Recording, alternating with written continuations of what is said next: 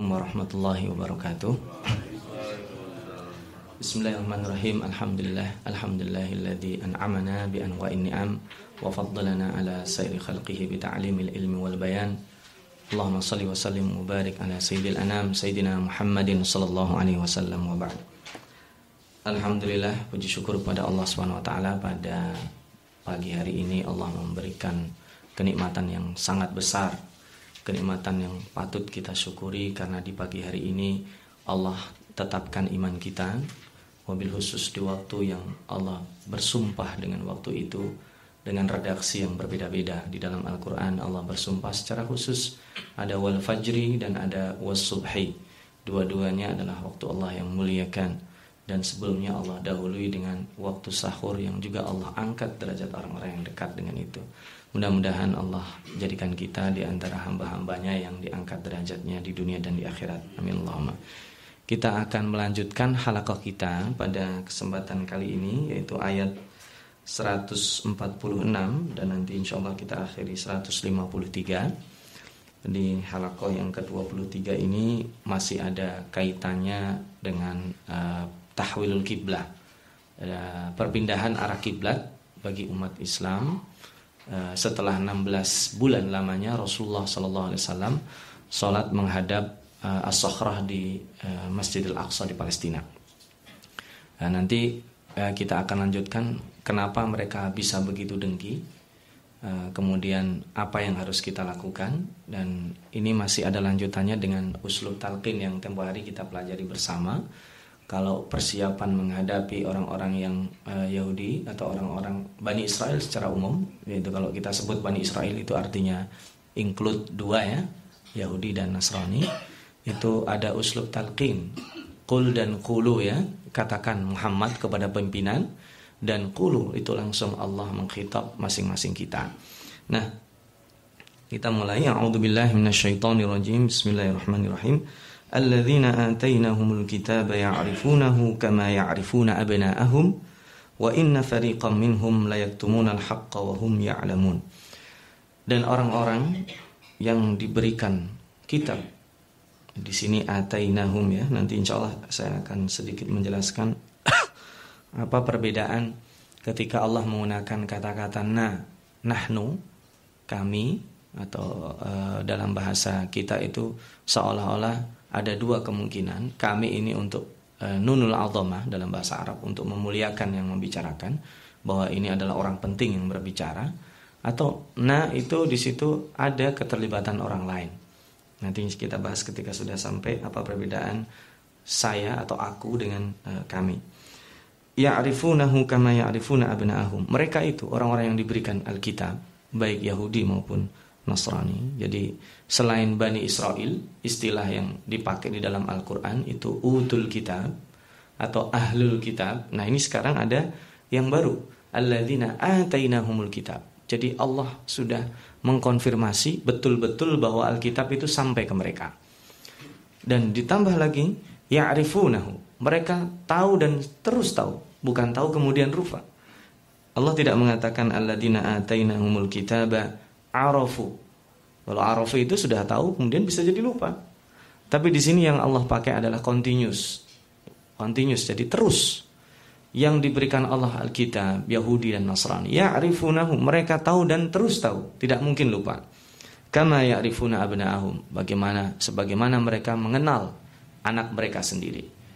Di antara kita ya kecuali bapak yang tidak bertanggung jawab saya kira, yang tidak tahu anaknya sebanyak apa pun anak kita 15, 16, 17 sampai 20, 30 ya paling banter itu lupa. Tapi dia tahu bahwa itu adalah anaknya. Ya, kalau muskilah kalau dia tidak tahu itu adalah anak dia. Nah pengetahuan mereka tentang Nabi Muhammad itu melebihi pengetahuan seorang ayah kepada anaknya. Atau sama di sini bahasanya k itu berarti sama. Wa inna fariqam minhum sesungguhnya sebagian dari mereka layak tumun al haqqa wa hum. Kenapa Allah katakan fariq? Karena ternyata tidak semua dari mereka itu e, menyembunyikan kebenaran. Tapi yang menarik bahwa kenapa Allah tidak mengatakan wa inna minhum langsung. Tapi Allah justru katakan wa inna fariqan. Fariqan di sini ada beda dengan ta'ifah tapi hampir sama. Fariqan itu berarti mereka menyusun kekuatan dan itu yang terlihat. Allah tidak membicarakan apakah mereka sedikit, apakah mereka banyak, tapi nanti yang terjadi banyak nanti di alat surah Al Imran dikasih tahu. Ternyata ahli kitab itu kebanyakan tidak beriman, yang beriman sedikit. Tapi kata Farik di sini, mereka sedikit atau banyak, Farik itu kalau dalam arti letter klub ya atau kelompok, tapi Farik itu menghadirkan eh, ancaman, kekuatan yang bisa menggerakkan sebaliknya. Jadi wa inna fariqam minhum itu mereka kalaupun satu orang itu akan berusaha mencari kawannya supaya terbentuk satu kelompok. Jadi mereka bukan hanya masalah orang per, per orang. Misalkan saya tahu alamat si A dikasih tahu, oh saya nggak akan ngasih tahu. Tapi dia akan mengajak, jangan percaya, jangan percaya. Jadi orang-orang yang tahu itu sesama mereka mungkin ada 100, 200 dan sebagainya. Itu mereka bersekongkol untuk sama-sama pura-pura tidak tahu. Padahal aslinya mereka tahu. Nah maka pesan Allah kepada Nabi Muhammad al-haqqu min rabbik. Sesungguhnya kebenaran itu kebenaran adalah dari Tuhanmu. Fala takunanna minal mumtarin. Ini yang menarik. Kenapa Allah sampai keluarkan ayat ini? Kebenaran itu dari Allah. Fala takunanna minal mumtarin. Dan jangan pernah ragu itu sama halnya kata-kata firman Allah dalam berbagai surat di antaranya surat Al-Anfal eh, wa aslihu data bainikum wa atiullaha rasulahu in mu'minin. Jadi kalian taat kepada Allah jika kalian beriman. Itu bukan berarti sahabat itu diragukan keimanannya, tetapi ini menunjukkan perhatian Allah kepada sahabat. Itu sama gini, kalau kamu itu uh, seorang bapak kepada anaknya, kalau kalau kamu seorang mahasiswa harusnya itu bisa membuat ini. Eh ternyata anaknya nggak bisa, bukan berarti status mahasiswanya hilang, bukan. Itu untuk mendorong membuktikan bahwa dia itu mahasiswa. Maka ketika Allah mengatakan falatakunanna minal mumtirin, mumtarin, sesungguhnya Allah memberikan penghormatan, memberikan inayah, perhatian bahwa Nabi Muhammad SAW itu sama sekali tidak pernah ragu. Walikulli wijhatun huwa muwalliha. Ini dilanjutkan pembicaraan kemarin. Maka di mana pun Di mana pun Arah yang kita tuju menghadap itu Fastabikul khairat Maka berlomba-lombalah di dalam kebaikan. Ini hubungannya Antara kita menghadap, menghadap kiblat Dan ini juga uh, Imam Syafi'i menjadikan dalil Bahwa Sholat itu sebaiknya di awal waktu Berbeda dengan uh, Imam Abu Hanifah. Imam Abu Hanifah justru bukan ditakhir ya, agak diberi waktu. Karena perbedaan Imam Abu Hanifah dengan Imam Syafi'i, kalau Imam Syafi'i telat masih bisa ada jamaah masbuk. Ada imam masbuk, tapi kalau Imam Abu Hanifah begitu selesai jamaah utama uh, tidak ada lagi uh, jamaah masbuk. Jadi yang sholat sendiri-sendiri. Nah ini di antara uh, masalah fikih ya. Nanti kita bisa bahas yang lainnya. Kata-kata fastabikul khairat juga di dalam Al-Quran yang menarik Bapak-bapak dan ibu-ibu. Semua anjuran kebaikan Semua perintah kebaikan di dalam Al-Quran Itu selalu dengan kata-kata bersegera Atau berlomba-lomba. Tidak ada istilah berbuat baik ya kalau sempat. Berbuat baik ya santai saja. Berbuat saya nggak usah ngoyo. Eh, nggak ada Tapi fastabikul khairat itu mengindikasikan Berlomba-lombalah dalam kebaikan. Karena tujuan akhir kita itu seperti yang doa yang dibaca oleh ibadur rahman dalam surat Al-Furqan. Rabbana hablana min azwajina wa dzurriyyatina qurrata a'yun waj'alna lil muttaqina imama. Jadi ya Allah jadikan kami pemimpin orang-orang yang baik, orang bertakwa. Jadi yang terbaik di antara yang baik itu, bukan yang terbaik di antara yang buruk, bukan. Maka fastabiqul khairat itu semangatnya adalah semangat berlomba-lomba dalam kebaikan. Nah, Al-Fakir berikan uh, padanannya ya dalam surat Al-Imran ada wasari'u bersegeralah. Nanti di ayat lain ada fafirru ilallah. Fafirru ilallah itu berlari, nggak ada, bukan berjalan. Wa fi dzalika falyatanafasil mutanafisun. Jadi falyatanafasil mutanafisun itu berlomba-lomba juga. Tanafus itu uh, bersaing. Tapi di dalam masalah akhirat, di dalam masalah kebaikan. Nah ini al khairat meskipun pakai alif lam, tapi kebaikan di sini dimulainya dari sholat karena pembicaraannya sholat. Maka berlomba-lomba itu uh, di antara para imam ada yang menjadikan dalil. Maka Imam Ahmad bin Hambal mengatakan al uh, al itharu fil ibadah makruh. Ithar dalam ibadah makruh hukumnya. Misalkan ada kesempatan kita masuk di soft pertama, kita persilakan orang lain, itu makruh hukumnya. Fastabiqul khairat, ada soft pertama, kita maju. Karena ini masalah ibadah. Maka kalau kita soft pertama kosong, kita harus maju, bersegera. Tapi bukan rebutan ya. Nah, beda dengan rebutan. Maka al-itharu fil ibadah makruhun. Eh, makruh, bukan nggak boleh, makruh. Kalau kita ada sempat di soft pertama, kita yang maju. Nah, maka ini bentuk uh, di antara istidlal meskipun secara tidak langsung itu seperti itu. Jadi kalau kita sholat ada soft pertama jangan mempersilahkan orang lain itu pahala kita masuk kita di sana. Nah, sama dengan hari Jumat harusnya di hari Jumat itu hari ini ya di soft pertama kita dulu penuhi kecuali ya tentunya yang sudah tahu ya ini tempatnya khatib, tempatnya imam, tempatnya panitia untuk umuman. Tapi di luar itu kita lihat kenapa soft pertama itu lubang-lubang harusnya kita yang maju karena fastabiqul khairat itu. Nah, semangat ini yang sementara ini belum difahami oleh sebagian umat Islam kita terutama di sini. Nah, aitama ainama takunu ya'ti bikumullahu jami'a. Di mana pun kita berada di dunia ini, mau jadi orang Indonesia, mau jadi orang Jakarta, mau jadi orang mana saja, ya'ti bikumullah Allah akan mendatangkan kalian. Di hari kiamat itu ketika Allah bersumpah wa idzan nufusu zuwijat. Ketika jiwa-jiwa itu dipertemukan kembali dengan raganya, dikumpulkan. Atau wa idzal quburu bu'thirat, ketika kuburan dibongkar.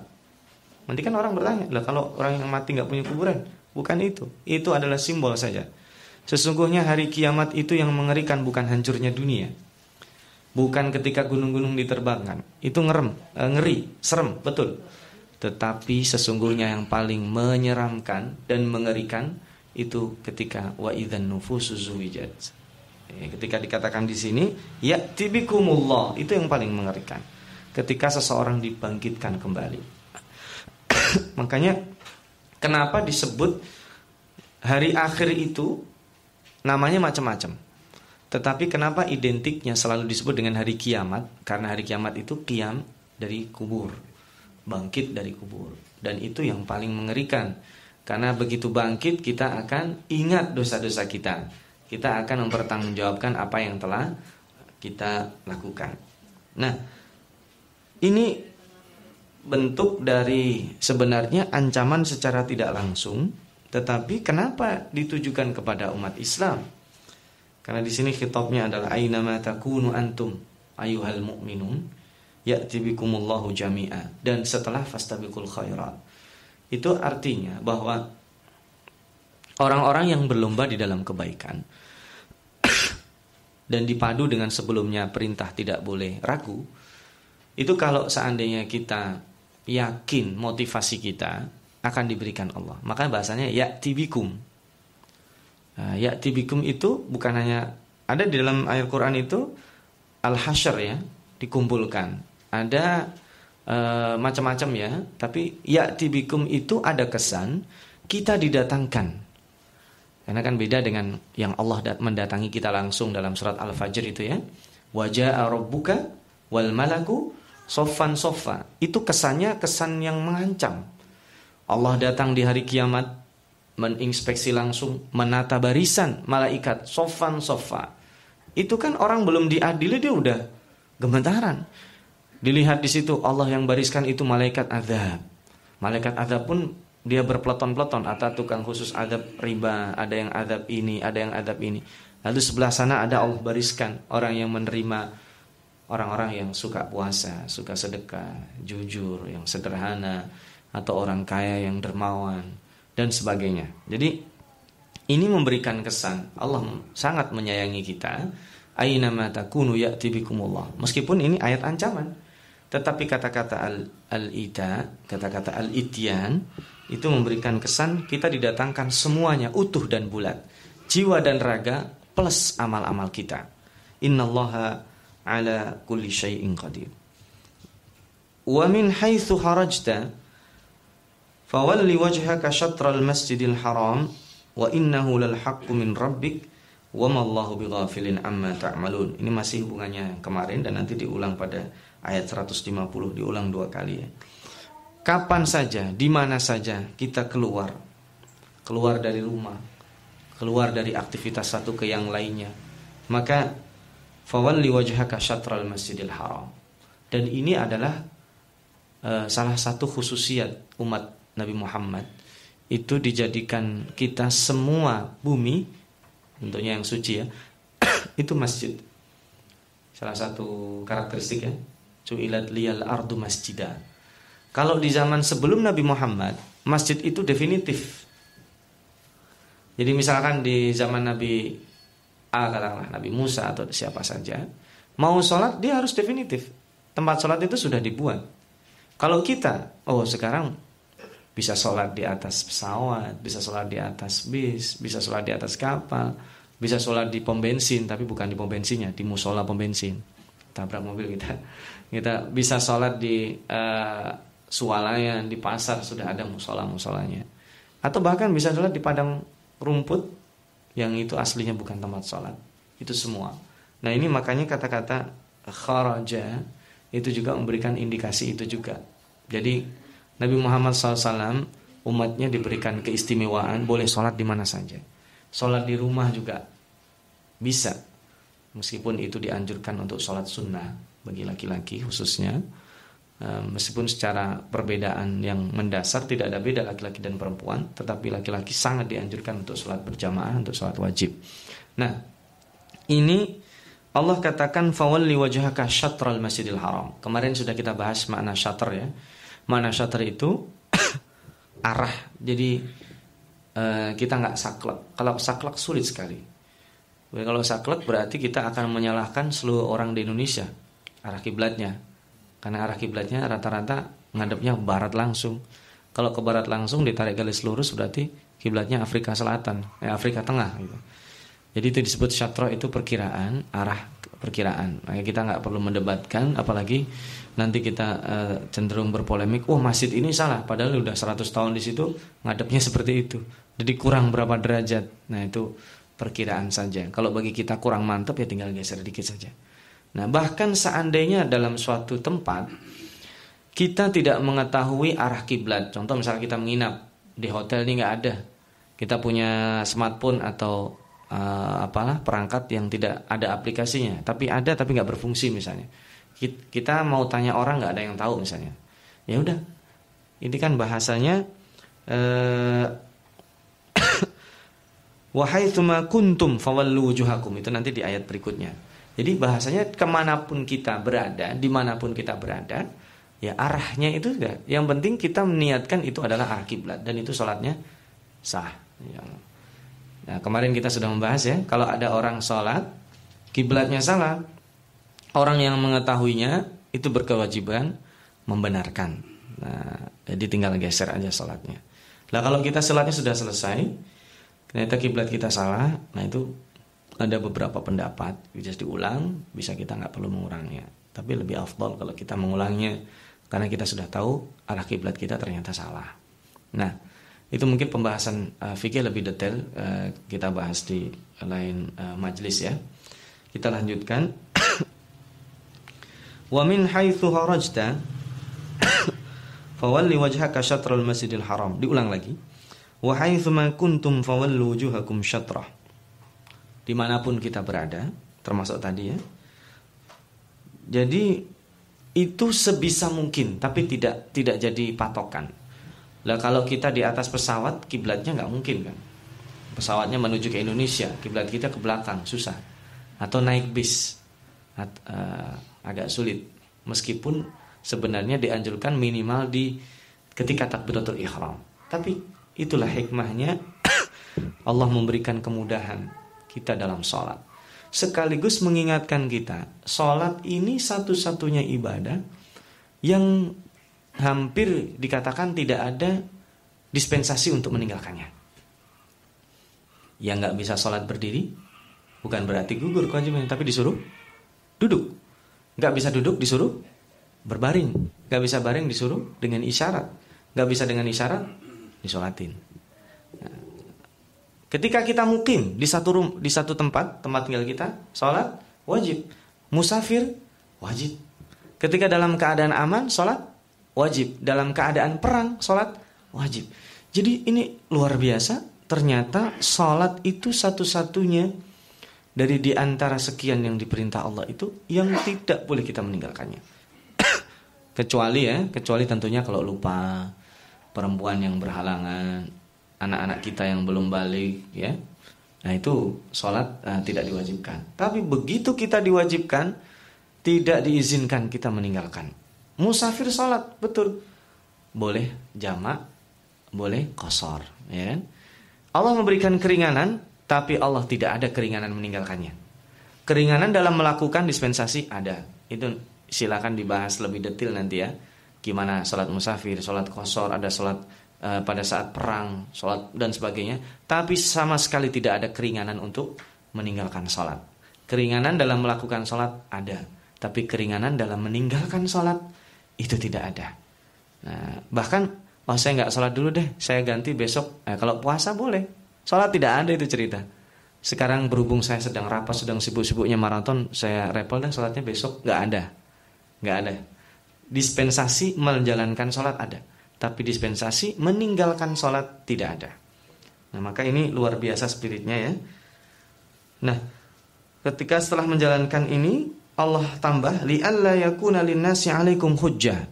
Ini Al-Fakir sempat bertanya-tanya, apa supaya tidak ada lagi alasan bagi orang-orang zalim itu illalladzina zalamu minhum ternyata ini ya yang menarik dalam beberapa tafsir silakan nanti Bapak dan Ibu buka orang-orang Yahudi maupun orang Nasrani itu tahu tahu ya bahwa Nabi yang akan diutus kepada mereka itu nanti memiliki kiblat yang lain. Nah, jadi nabi yang akan diutus nanti di akhir zaman itu kiblatnya tidak seperti mereka. Mereka kiblatnya mana? Menghadap as-sakhrah yang ada di Masjid Al-Aqsa. Nah, ketika Nabi Muhammad sallallahu alaihi wasallam kiblatnya itu ke, ke sakhrah Masjidil Aqsa, di antara mereka ada yang bilang ini bukan nabi yang yang diutus untuk kita. Bukan nabi ini.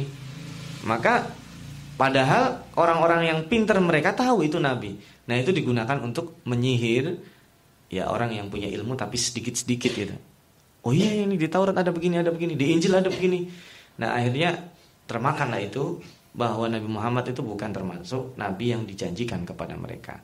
Apalagi ketika Nabi Muhammad memindahkan Ka'bah, harusnya ketika Nabi Muhammad memindahkan Ka'bah, mereka langsung ingat, oh ternyata ini salah satu tanda Nabi akhir zaman yang dijanjikan kepada kita. Harusnya mereka beriman. Tetapi kenapa? Karena sudah kedengkian ya kedengkian mereka tempo hari kita bahas sampai membenci Jibril. Kok Jibril dibenci? Sementara mereka mencintai dan menghormati Mikael. Kenapa? Itu sudah kita bahas. Nah ini sama juga. Ketika mereka punya tanda-tanda itu harusnya ketika pindah ke Ka'bah nggak ada lagi alasan orang-orang zalim itu. Tapi nyatanya apa? Mereka tetap tidak beriman.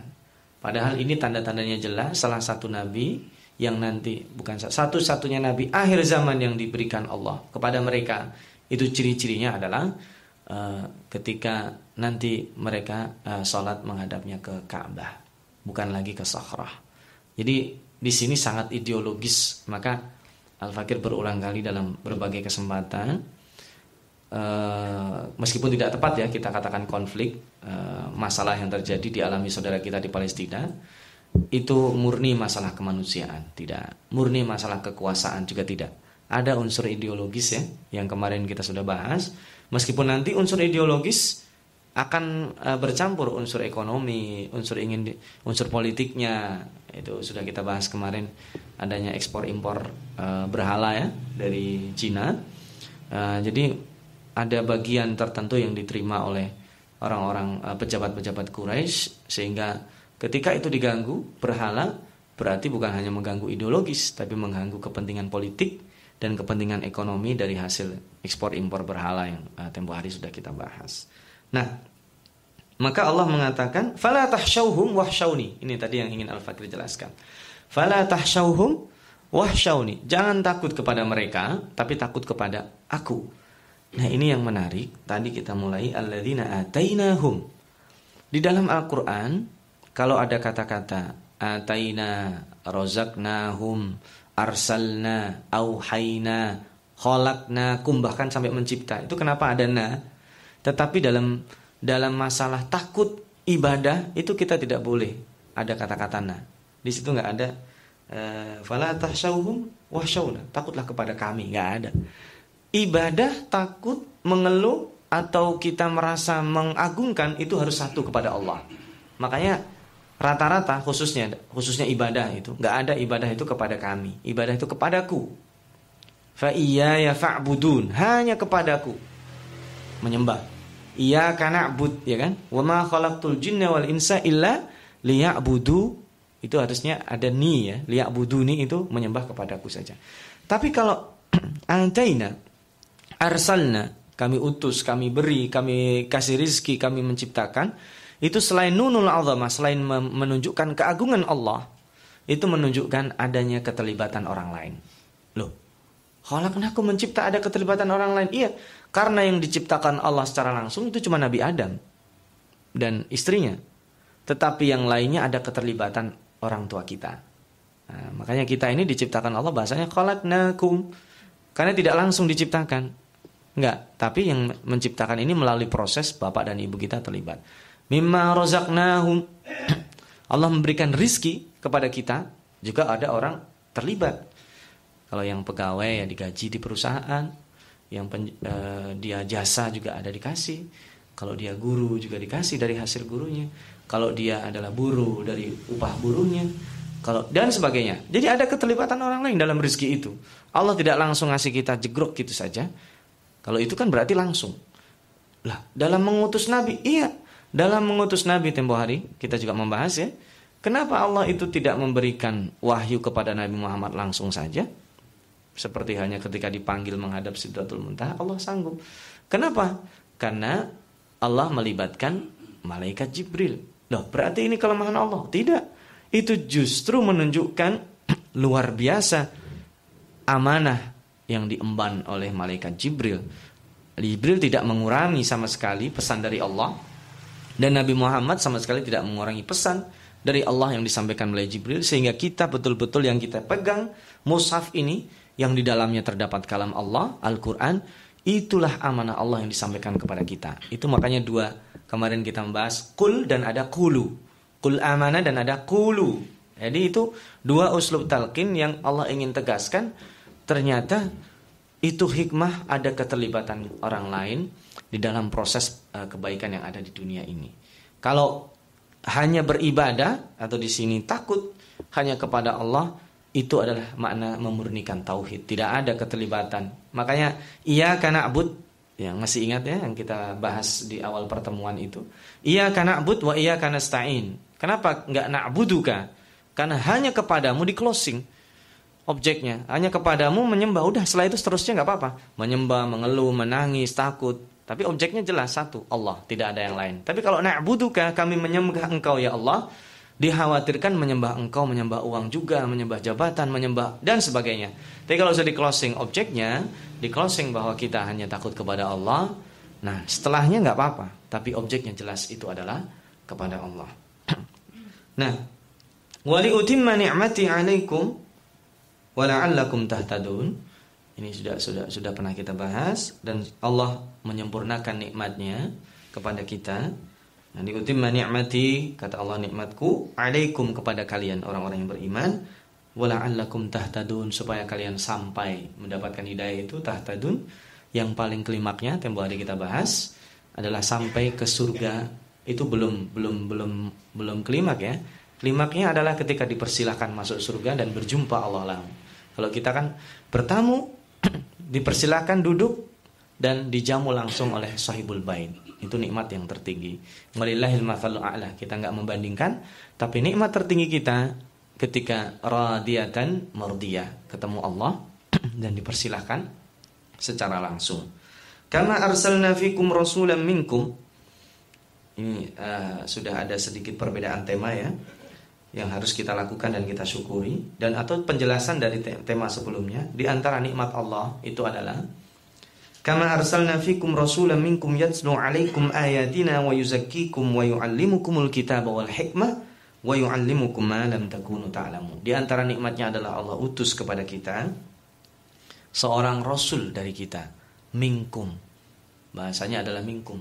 Berarti ada ada uh, sifat-sifat uh, dasar yang sama dengan kita. Rasulullah uh, Sallallahu Alaihi Wasallam ketika ada utusan Romawi itu takut gemetar Rasulullah tersenyum. Saya ini hanya seorang anak laki-laki dari seorang perempuan yang terbiasa makan dendeng. Jadi biasa menunjukkan kemanusiaannya. Rasulullah juga sakit meskipun sakitnya seumur hidup cuma dua kali.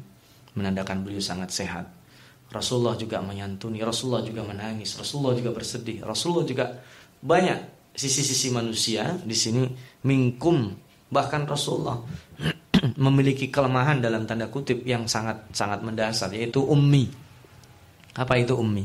Tidak bisa baca, tidak bisa tulis. Tetapi orang yang tidak bahasa dan tidak bisa baca dan bisa tidak tulis ini memimpin peradaban. Uh, bukan berarti ini, ini nanti uh, menggerus ya, mendowngrade orang yang belajar tinggi-tinggi. Ya ngapain ya sekolah tinggi-tinggi?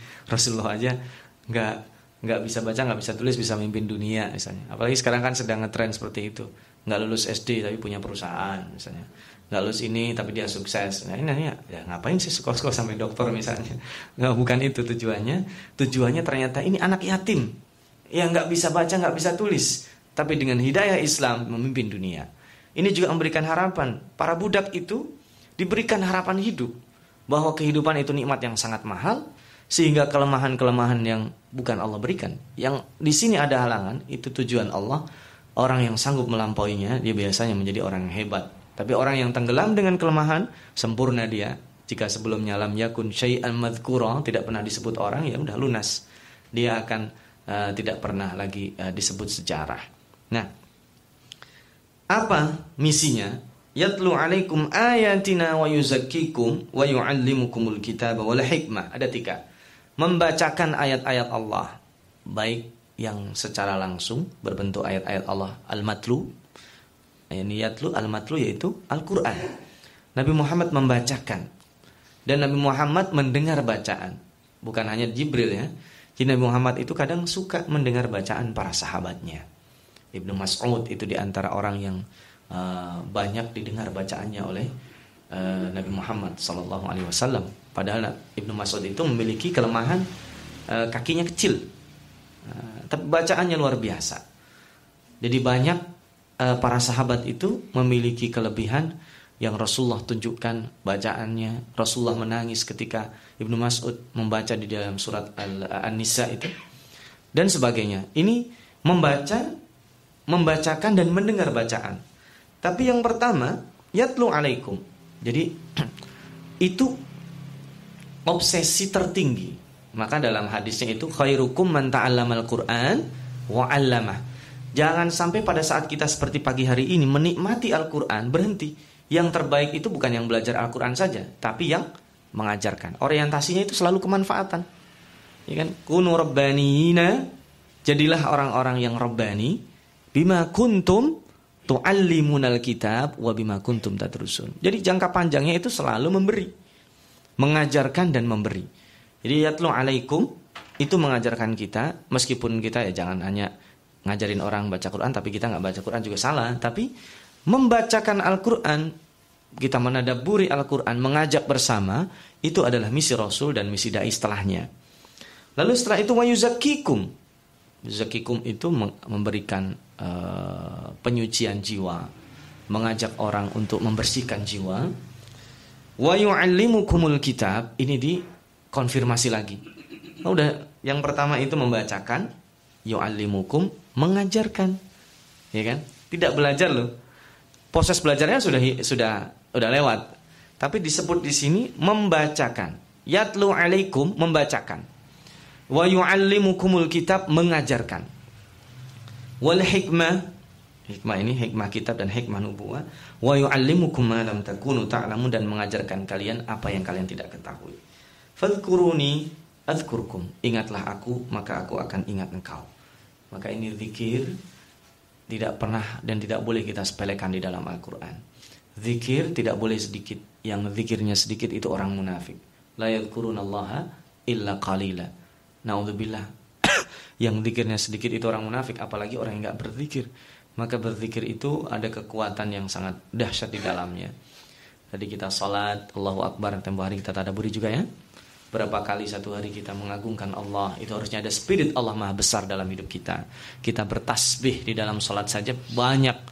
Setelah sholat kita bertasbih maka kita harus uh, memberikan uh, penyucian jiwa kita melalui zikir. Washkuruli wala takfurun. Dan syukur kepada Allah itu di antaranya adalah dengan zikir. Di closing Allah memberikan pesan kalau kita bertemu orang-orang yang seperti tadi disebut di atas, orang yang hakikatnya dia sudah tahu, saya ini benar, saya tidak salah. Kan itu prosesnya banyak ya. Istidlal ini boleh. Di suatu hal kita dituduh bersalah padahal kita tidak salah. Tenang. Ya ayyuhalladzina amanu ista'inu bis-sabri. Dua itu berkaitan. Hanya orang yang sabar yang sanggup sholat dengan benar. Dan hanya orang yang sholatnya benar, dia bisa sabar. Innallaha ma'as sabirin. Jadi ini dua sangat berkaitan. Dahsyatnya sabar dan dahsyatnya salat itu punya kaitan yang sangat sangat erat. Dan Allah di sini yang di, disebut ya, kenapa Allah tidak mengatakan ya ayyuhalladzina amanu ista'inu bis sabri was shalah innallaha ma'al musallin. Padahal salat yang disebut terakhir. Tapi kan innallaha ma'as sabirin. Oh, berarti saya sabar aja lah cukup, nggak usah salat karena Allah bersama orang-orang sabar. Bukan bersama orang-orang yang salat. Itu juga nggak ngerti bahasa Arab nih orang. Jadi innallaha ma'as sabirin itu sabirin yang menjadi sifat di situ beda dengan sabar yang depan. Yang depan itu wasilah caranya, yang kedua itu menjadi orang sabar. Jadi untuk menjadi orang sabar salah satu latihannya adalah sholat. Sholat itu tidak mudah untuk sabar. Baru Allahu Akbar, Al-Fatihah di rakaat kedua. Oh ternyata kuncinya itu tak taruh di atas lemari.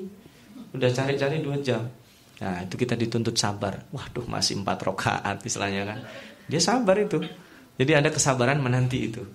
Ada kesabaran juga dia ketika berjamaah. Kesabaran kita ngikutin perjalanan sholat. Bukan hanya seperti naik bis AC ya. Allahu Akbar. Udah pasrah sama imamnya mau dibawa ke mana aja. Tahu-tahu salam. Eh bangun-bangun. E, bisnya udah nyampe. Nggak bisa juga kita sholat seperti itu. Kita harus ngikutin takbiratul ihram. Bacaan sholatnya Ketika ruku kita sama seolah-olah kita sendiri. Meskipun sholat berjamaah dihisap kita, aina matakunu ya'ti bikumullah didatangkan bersama-sama, tapi kita dihisap tetap sendiri-sendiri. Imam dihisap, makmum dihisap. Rok di soft pertama dihisap, soft kedua dihisap. Nggak ada yang tidak dihisap. Imamnya bagus, udah yang lain ngikut ya nggak ada cerita. Sholat meskipun berjamaah dihisapnya tetap sendiri-sendiri. Nah ini maka untuk menghadapi ini termasuk ketahanan ya uh, kekuatan kita. Kalau kita fala takunanna minal mumtarin, jangan ragu terhadap kebaikan. Al haqqu min rabbik tadi disampaikan, maka harusnya kita ikuti dengan sabar dan salat sehingga apa pun yang terjadi orang-orang Yahudi, orang-orang Nasrani atau siapa pun karena umat Islam itu uh, bukan terjebak, berada di lima perangkap setidaknya. Jadi musuh yang membenci, di antaranya nanti ada orang munafik, ada sesama muslim yang dia hasad atau iri. Kalau ini semuanya kita rangkai dengan sabar dan sholat itu tidak akan mengganggu kita. Mau dipuji, mau dicaci, mau nggak dianggap, oh nggak ada masalah. Inallah ma'as sabirin. Kebersamaan bersama Allah itu sudah cukup. Bahwa kebersamaan bersama Allah itu yang membuat kita bisa continue dan membuat kita bisa eksis dengan isti'anah dan bahasa yang dipakai di sini Eh, mengulang kembali ya, iya karena bud wa iya kan nasta'in. Jadi kenapa iya karena bud bukan wa iya karena tlub karena meminta itu dicela. Meminta tanpa modal itu dicela. Tapi al isti'anah kita punya modal. Modalnya apa? Sabar dan sholat minimalnya.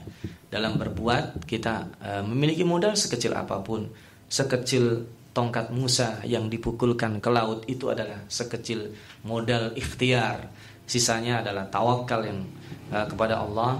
Maryam modal mendapatkan rizki adalah menggoyang pohon korma. Allah tidak langsung berikan begitu saja rizki dari langit, tetapi itu adalah modalnya. Ini saya kira yang bisa Al Fakir sampaikan. Jadi kita uh, akan akhiri tadabur kita. Uh, mudah-mudahan kita bisa mengamalkan yang kita pelajari, diberikan uh, kenikmatan Allah dalam berinteraksi dengan Al-Quran. Spirit kita adalah spirit Lailatul Qadar, menjadi orang yang lebih baik dari seribu komunitas. Karena satu malam yang bersentuhan dengan Al-Quran itu lebih baik dari seribu bulan. Allah tidak mengatakan satu malam lebih baik dari seribu malam. Itu artinya kalau kita berinteraksi dengan Al-Quran, semangatnya fastabikul khairat, tidak mustahil orang yang memiliki kemampuan atau kemauan atau mendapat kenikmatan itu akan lebih baik dari seribu komunitas lainnya yang tidak bersentuhan dengan Al-Quran. Mudah-mudahan Allah jadikan kita termasuk ahlul Quran dan insya Allah uh, kan alil umri baqiyah kita masih diberikan kesempatan bertemu. Kita akan lanjutkan ayat 154 di Jumat yang akan datang. Itu mungkin uh, terima kasih dan Mohon maaf jika ada kata-kata yang kurang. Wassalamualaikum warahmatullahi wabarakatuh.